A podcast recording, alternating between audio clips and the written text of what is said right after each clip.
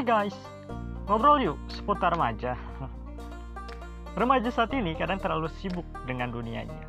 Ada yang ekstrim kanan kayak belajar terus, atau ekstrim kiri, kebalik ya. Udah mata ekstrim kiri, senang-senang terus. Tapi ya pernah nggak sih kita tuh mikirin dirinya sebagai remaja, mikirin diri sendiri sebagai remaja.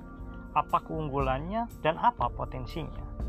Kayaknya seru sih kalau kita bisa kenalin potensi diri kita sendiri. Nggak cuman galau, kayak bingung karir, putus cinta, gak punya duit, malas ngapa-ngapain. Remaja nggak seputar itu kok. Banyak potensi besar dalam dirinya. Kalau mau, setiap satu minggu sekali akan terbit sekali. Stay tune guys di podcast ini.